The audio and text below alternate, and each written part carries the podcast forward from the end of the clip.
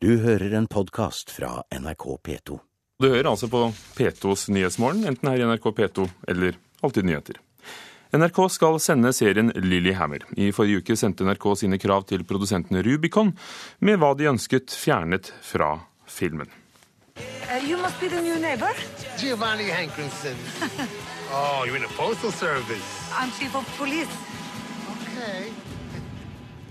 Ja, Dette er altså fra TV-serien, denne storsatsingen med Steve Van Sant som vi hørte her, kjent fra serien Sopranos og ikke minst som musiker Little Steven i hovedrollen. Den skulle vært sendt eh, nå på søndager etter nyttår, men ble stanset fordi den inneholdt det NRK mente var ulovlig produktplassering, altså skjult reklame. Og Petter Wallas, sjef for eh, det som eh, NRK kjøper inn av serie produsert utenfra. Hva blir forandret før dere nå sender den? Ja, Det er to områder som ble forandret. For det første eh, så var det eh, selve avtaleverket rundt serien som vi reagerte på. Hvor det var, etter vår mening, eh, gitt løfter om produktplassering. Så var det jo da snakk om at vi måtte gå inn og se på om de løftene faktisk var innfridd. Og, så det var på en måte to områder vi måtte, vi måtte gå gjennom. Vi har bedt Rubicon om å si opp en rekke avtaler, betale tilbake penger Eh, betale, betale leie for en del av de, eh, de stedene de har spilt inn. Eh, og vi har òg bedt dem om å gjøre direkte endringer i selve serien. Retusjeringer i bilder. Sånn at det som publikum får, det er det som serieskaperne hadde i utgangspunktet tenkt å gi dem. For NRK fremmet altså sine krav til produsentene i forrige uke. I går kveld hadde dere møte om deres krav. Har dere fått innfridd da alt dere ønsket? Det har vi. Og vi mener nå at eh, serien er, eh, har en form som gjør at den kan vises eh, uten at vi bryter lover og regler. Men hva er det vi da ikke får se? Hva har dere retusjert bort? Hvem er det dere fryktet at fikk en reklameeffekt som ikke skulle være der, ifølge NRK? Ja, Nå høres det ut som NRK er veldig veldig strenge på dette. Vi har et regelverk i hele Norge for all kringkasting. Vi eh, måtte bare sikre oss at det, var en, eh, at det ikke var eh, lovet bort noen form eh, for eh, produktplassering. Altså, det vil si at det var tatt inn noe i serien som var, eh, som, som var der fordi noen hadde betalt for det.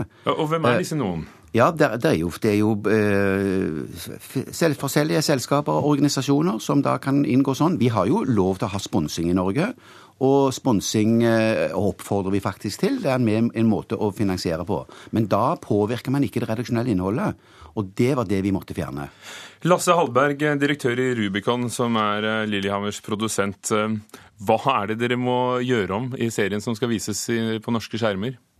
Nei, det er en relativt riktig beskrivelse som Petter gir. Altså, vi hadde et avtaleverk som eh, kunne mistolkes. Og de avtalene har vi gjort om der det kan, og så har vi sagt opp en del avtaler så at det ikke skal råde noen tvil. For at serien i seg har hele tiden vært styrt av et redaksjonelt og artistisk eh, innhold, og ikke, det har ikke vært noen påvirkning fra men, sponsorer eller noe. Men, men, men, likevel så må den altså klippes om? Nei, den har ikke klippes om. Det har retusjerats i bildene for at det ikke skal råde noen tvil om at det er det redaksjonelle og det artistiske som har styrt serien. Så ingenting må klippes om? Og er det avtaleverket rundt eh, sponsorene som eh, vi har gjort om, og vi har kansellert en, en hel del eh, avtaler. Hva får folk se, fordi nå har jo denne serien USA-premiere på Netflix, og, det finnes jo nordmenn med amerikanske kredittkort som ser der. Hva, hva får de se der, hvis de velger det fremfor NRK? Det Hva de får se der, det kan ikke jeg svare på. Hva, ja, det kan du vel svare på, det er du som har solgt dem serien? Ja, altså, folk på, altså serien er jo altså, den, Serien er, er, er redigert og, og, og, produsert og regissert ut fra kunstneriske og redaksjonelle. Så det, det, er ikke noen, noen eh, styrning av, av noen, altså noen sponsorer som har styrt uh, seriens innhold. Skal dere ikke klippe opp noen ting, Lars Haben? Ja, vi har retusjert det som trengs for at det eh, ikke skal være noe tvil om at eh, noen andre kunnet påvirke det her. Petter Vallas eh, i NRK, når får serien premiere på TV-skjermene? Vi har eh, satt serien opp eh, allerede onsdag eh, 25. januar. Eh, så det blir da en 25 dagers forsinkelse for det vi egentlig hadde tenkt. Eh, men eh, det betyr i alle fall at eh, folk ikke trenger å vente så lenge som vi hadde frykta, og det er vi veldig glad for. Eh, Det må jo sies det at Rubicon har vært veldig samarbeidsvillig når det først har kommet til det punktet at vi måtte gjøre noe, og har jobbet veldig raskt for å få ordna opp i de, de, de problemene som vi eh, hadde påpekt. Takk skal dere ha. Petter Wallas, som er altså såkalt eksternsjef her i NRK, og Lasse Hallberg, administrerende direktør i produksjonsselskapet Rubicon.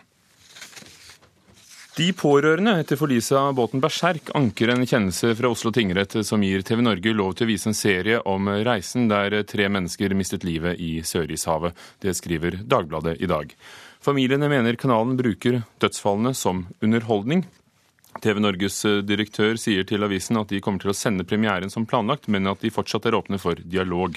Ekspedisjonsleder Jarle Andhøy sier til avisen at de pårørende er delt i synet på serien, og at han selv er glad for kjennelsen fra retten. Gutta selv hadde ønsket at serien skulle blitt vist, sier han. Den engelske utgaven av Wikipedia stenger i ett døgn fra og med onsdag i protest mot et omstridt lovforslag i USA.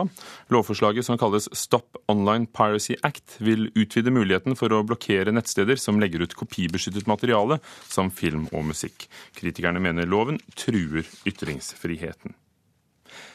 Og mens 2700 barn venter på en plass i kulturskolen i Oslo, står én av tre plasser til eh, ikke-vestlige instrumenter tomme.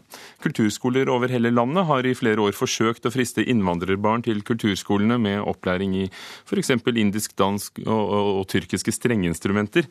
De fleste stedene har tilbudene forsvunnet pga. manglende interesse. Innvandrerbarna søker heller til privatundervisning. 17 år gamle Nishan Radan lærer seg tamilsk sangtradisjon av Vasuki Jayapalan. Mange barn står i dag i kø for å få plass på Oslo kultur- og musikkskole.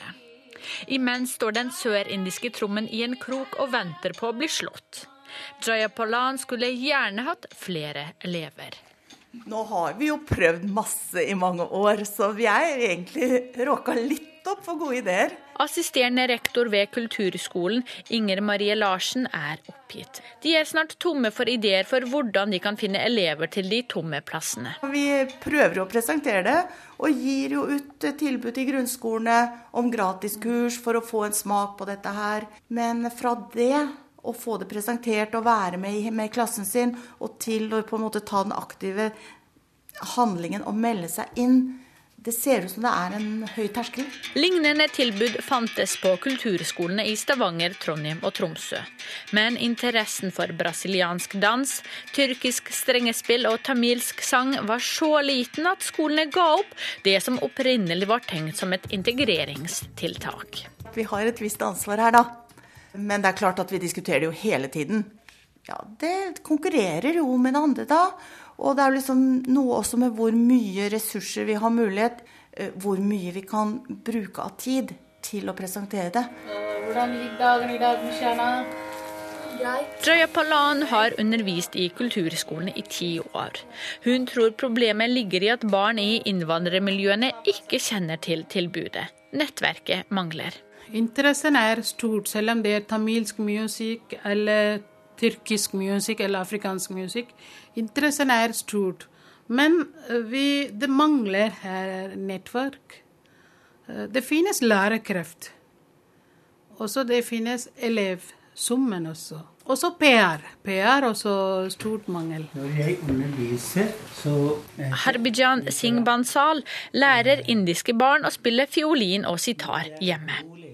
Over hele landet gir innvandrerorganisasjoner undervisning i dans, sang og spill til barn som har lyst til å videreføre landets tradisjoner. Prisforskjellen gjør det vanskelig å konkurrere med disse gruppene, sier Larsen. Det kan virke dyrt. Og at det da er en del private aktører her som gir tilbud til en helt annen hva heter det? Ja, en pris som ikke kan sammenlignes med våre. Nina Bansal er veldig fornøyd med årene med sitarspill som hun har fått hjemme hos sin far. Likevel tror hun at privatelever går glipp av noe. På kulturskolen blir man kjent med andre elever og andre musikktradisjoner. Jeg tror det har vært veldig bra, egentlig. Eh, man ser jo ofte det at eh, musikere som er utdanna, de søker ofte til andre musikkstiler og sjangere når de er utdanna og har den kunnskapen de har. Så jeg tror det ville vært veldig bra hvis man kunne ha prøvd å integrere det fra barndommen av, da. Så at man får en ja, videre interesse for musikk sa sitarspiller Nina Bansal til vår reporter Sofia Paskiewicz. Klokken er 16 minutter over åtte. Du hører på Nyhetsmorgen i NRK P2 Alltid nyheter. Det er fremdeles et lite håp om å finne overlevende inne i det forliste cruiseskipet i Italia. Dårligere etterretningssamarbeid øker faren for terrorangrep, mener forsker. Og senere i Kulturnytt musikk kan hjelpe schizofrene, viser ny forskning. Men først til Tromsø, der filmfestivalen åpner i dag. Eh, og aller først skal det handle om dokumentarfilm. For vi er for beskjedne, og vi må lære av danskene. Det mener dokumentarfilmprodusenten Petter Bø om bransjens evne til å hente internasjonal kapital til filmene sine. Når eh, filmfestivalen åpner i Tromsø i dag, legger han frem funn fra en ny utredning han har gjort om norsk dokumentarfilm. vi har jo, De ligger på sånn 200 000-300 000, skal vi se hva vi har her. Norske dokumentarer har gode seertall på TV, fastslår produsent Petter Bø, der han blar seg gjennom funnene i utredningen han skal legge fram i Tromsø i ettermiddag. Han mener imidlertid norske dokumentarskapere har mye å gå på når det gjelder å hente finansiering fra utlandet for å lage større filmer med internasjonal appell. Det er et slags system i galskapen i Europa hvor, hvor det la, arrangeres ganske store konferanser. Da, eh, hvor, hvor, prosjektet presenteres for finansiører. Så man begynner jo å få en idé om hva som skal til for å attrahere interesse. Eh, så vi, vi ser jo det, og der ser vi at eh, det, man skal ikke være beskjeden. Er, er norsk dokumentarbransje for beskjeden? Ja, altså vi er beskjedne. Altså jeg ser jo hva Jeg har jo en del med dansker å gjøre. De er ikke så beskjedne. så vi er litt sånn Vi har en sånn tilbøyelighet, tror jeg. Der ligger litt i vår Ja, altså Vi, er, vi, vi kan jo dette, men, men, vi skryter ikke så fælt. Altså får, får, vi mer penger inn til, til no, dokumentarfilm internasjonalt, så vil vi jo få eh, bedre dokumentarfilm, rett og slett. Det fastslår produksjonsdirektør Ivar Køhn i Norsk Filminstitutt, som har bestilt utredningen. Han viser til at instituttet siden 2009 nesten har doblet tilskuddene til dokumentarfilm, fra 24 til 42 millioner kroner. Men når det gjelder utenlandsk finansiering, tror han Bø kan ha et poeng. Vi har kanskje hatt en kultur hvor vi har prøvd å finansiere opp eh, nasjonalt og brukt mye energi på å gjøre det. Eh, og ikke trodd at det var mulig å gå ut og skaffe finansiering, eller heller ikke trodd at det nasjonalt var mulig å komme opp i sånne budsjetter som gjorde det interessant uh, internasjonalt. Jeg var til stede en gang hvor noen presenterte et, eh, et veldig tidlig og et antagelsesprosjekt om at Lars von Trier skulle gjøre en dokumentarfilm om en Wagner-oppsetning i Beirut i forbindelse med et jubileum. Og da bare, da bare strømmet pengene over bordet. Altså. de hadde ikke sett noen ting, de hadde ikke sett et manus, de bare fikk liksom Wagner, von Trier, Beirut. Og det var bare henda i været overalt, altså. Så det er klart at det er visse ting som bare går rett hjem. Hva, hva må norsk eh, filmmiljø gjøre for å komme dit? Nei, Jeg tror man må få til noen gjennombrudd. Og så må man få noen aktører altså som, som, gjør filmer, som, som, skaffer, som skaffer seg et navn. Og man må bygge nettverk der ute. Slik sett eh, konstaterer Petter Bø at det er dokumentarskaperne som må sørge for å komme seg ut i verden. Ja, altså det, Bransjen må ta ansvar for seg selv, men så er det jo ting man kan gjøre for å legge til rette og for å befordre. Uh, så det er tiltak som man vil diskutere. Og, og noe allerede Filminstituttet har gjort, er jo at de har sagt at vi skal gi større tilskudd til færre prosjekter.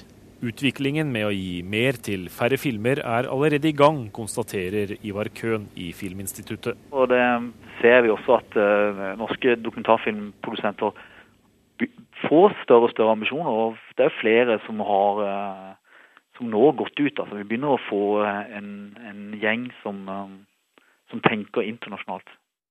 Ivar Køhn ved Norsk Filminstitutt til vår reporter Gjermund Jappé. Og om under en time starter Tromsø internasjonale filmfestival TIFF blant venner for 22. gang. Og i år står det over 80 spillefilmer på programmet, og allerede er det solgt 31 500 billetter, og det er rekord.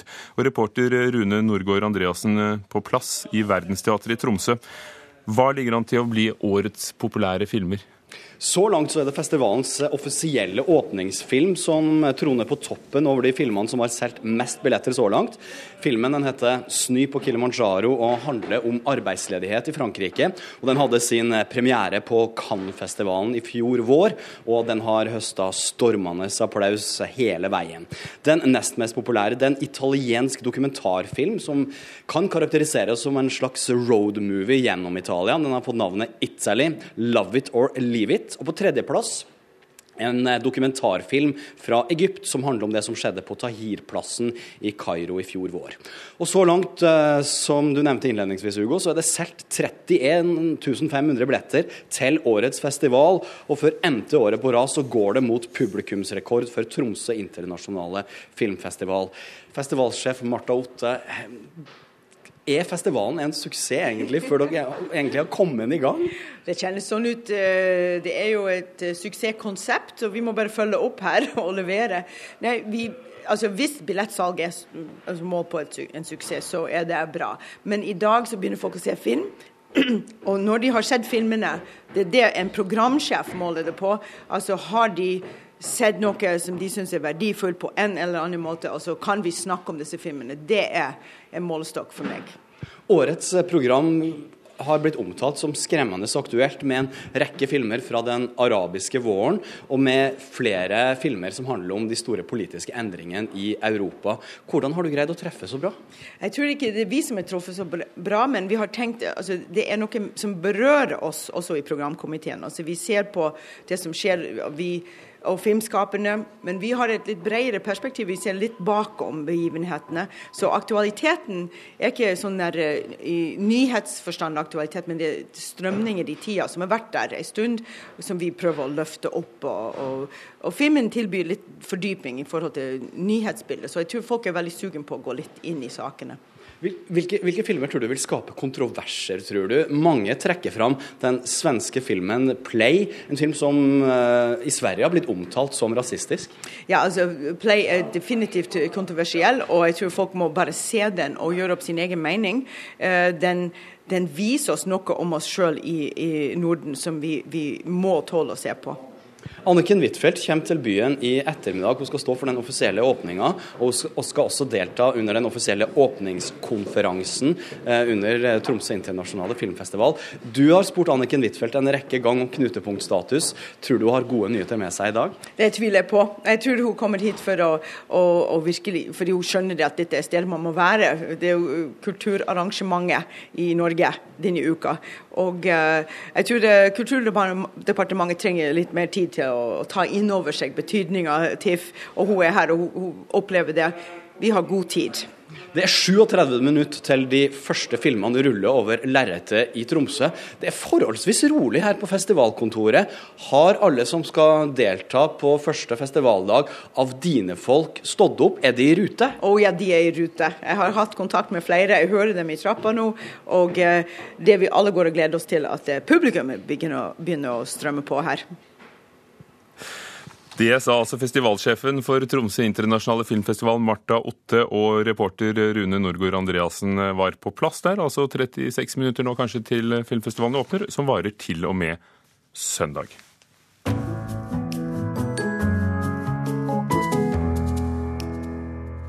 Kulturministeren vil sikre flere tippemidler til kultur og idrett ved å la Norsk Tipping skape bedre spill. Mange nordmenn bruker i dag penger på spill fra utenlandske selskaper, og det har ført til bunnskrapt kasse hos Norsk Tipping, skriver VG i dag. Norsk Tippings investeringsfond, som for tre år siden var på 1,7 milliarder kroner, er nå tømt for å sikre breddeidretten og kulturen. 36,5% av tippemidlene går i dag til kulturformål, og 45,5 til idrett. Norge eksporterer langt mindre kultur enn Sverige og Danmark. Mens vi i fjor eksporterte såkalte kreative varer for 2,6 milliarder kroner, importerte vi tilsvarende for 20,8. BI-professor Anne-Britt Gran sier til Aftenposten at det tar lang tid å utvikle kultureksporten, fordi Norge har en lang historie som råvareprodusent. Mange kulturaktører har dessuten ikke hatt noe spesielt sterkt ønske om å være kommersielle, sier Gran. Ni av ti schizofrene blir vesentlig bedre med musikkterapi, viser en ny studie fra Senter for musikkterapi ved Grieg-akademiet i Bergen. Når schizofrene Ingvild har en dårlig dag, synger hun av full hals. Hvis man er i veldig godt humør, så er det jo liksom sang vi er veldig glad i som heter 'Alle mann hadde fota', som er veldig fin. Vil du ta det? Ja, Alle mann hadde fota,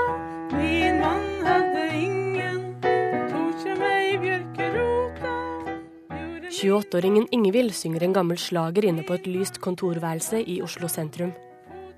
Hun har en klar og fin sopranstemme. Men Ingvild drømmer ikke om en karriere som sanger. Hun drømmer om å bli frisk. Det er hovedsakelig panelschizofreni. Det jo hoveddiagnosen. Det betyr at jeg har eksempel stemmer som befaller meg å gjøre negative ting. Og at jeg av og til ser ting som ikke er der. Jeg har mye tankekjør. Ja. Kan utarte seg på forskjellige måter. I dag er hun på Vår Frue hospital sammen med musikkterapeut Sigrid Sandskjær. Jeg har kjøpt meg trommesett har hjemme. så Jeg begynte med å spille trommer her, for det har jeg aldri gjort før. Så det er noe av det beste jeg har fått med meg herfra, egentlig. Så det er liksom hvis jeg har tankekjør, så setter jeg meg ned og spiller og slår løs og prøver på en måte å bli kvitt de vanskelige tankene. Sammen med jeg har behov for å skade meg eller, eller sånne negative ting. At jeg på en måte bare ja, synger, spiller, gauler løs. Ikke, liksom, ikke ta det så seriøst. og Det er ikke sånn at jeg skal synge pent når jeg er her, eller at jeg spiller riktig på trommer. Det er liksom ikke det som er saken i det hele tatt. Det er som å få utløp for følelser og ja, roe seg ned og Det Ingvild opplever viser seg å være representativt for mange. En fersk studie fra Grieg-akademiets Senter for musikkterapi viser at ni av ti schizofrene blir vesentlig bedre av musikkterapi. Studien baserer seg på forsøk med 483 pasienter fra bl.a. Kina, England og Italia. Så de får tilbake motivasjonen, de får tilbake evne til å kommunisere, til å uttrykke seg. Karin Møsler er en av forskerne bak rapporten. Det betyr også at vi ser gode resultater i forhold til depresjon og angst. De føler seg tryggere og føler mer glede å leve. Og så ser vi også gode resultater på sosial funksjonsnivå, som betyr at eh, de er mer kommunikative og tar kontakt med andre. Karin Møsler forteller at det å snakke om problemene ikke alltid er det beste for schizofrene. Mange sliter med språket, eller de er lei av å snakke om problemene sine. Når du kommer i et sykehus, så er du ikke så konfrontert med problemene dine eller, eller sykdommen din, og så er det masse snakking om det. Og når de kommer i musikkterapi, så er det også om ressurser. Her kan de noe. Og vi begynner med det som de kan, og ikke med det som de ikke kan. I Norge er det ca. 30 praktiserende musikkterapeuter. Fortsatt er det en viss skepsis i helsevesenet til å skulle behandle psykisk syke med musikk. Men Karin Møsler er sikker på at behandlingsformen er på vei opp og frem. Jeg tror det er noe som er på veien og blir mer og mer etablert her i Norge. Men det er fortsatt sånn pionerstatus eller pionerarbeid som vi må jobbe med. Og informere folk med, og mer at musikkterapi eksisterer og at det virker. På Vår Frue hospital er Ingvild og Sigrid nå i gang med Norafør av Halvdan Sivertsen.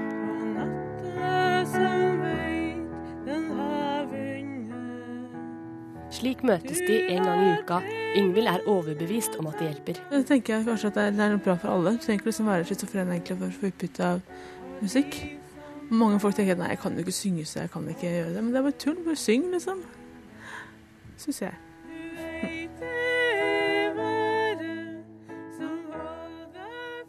Og reporter var Ina Strøm. Du har hørt en podkast fra NRK P2.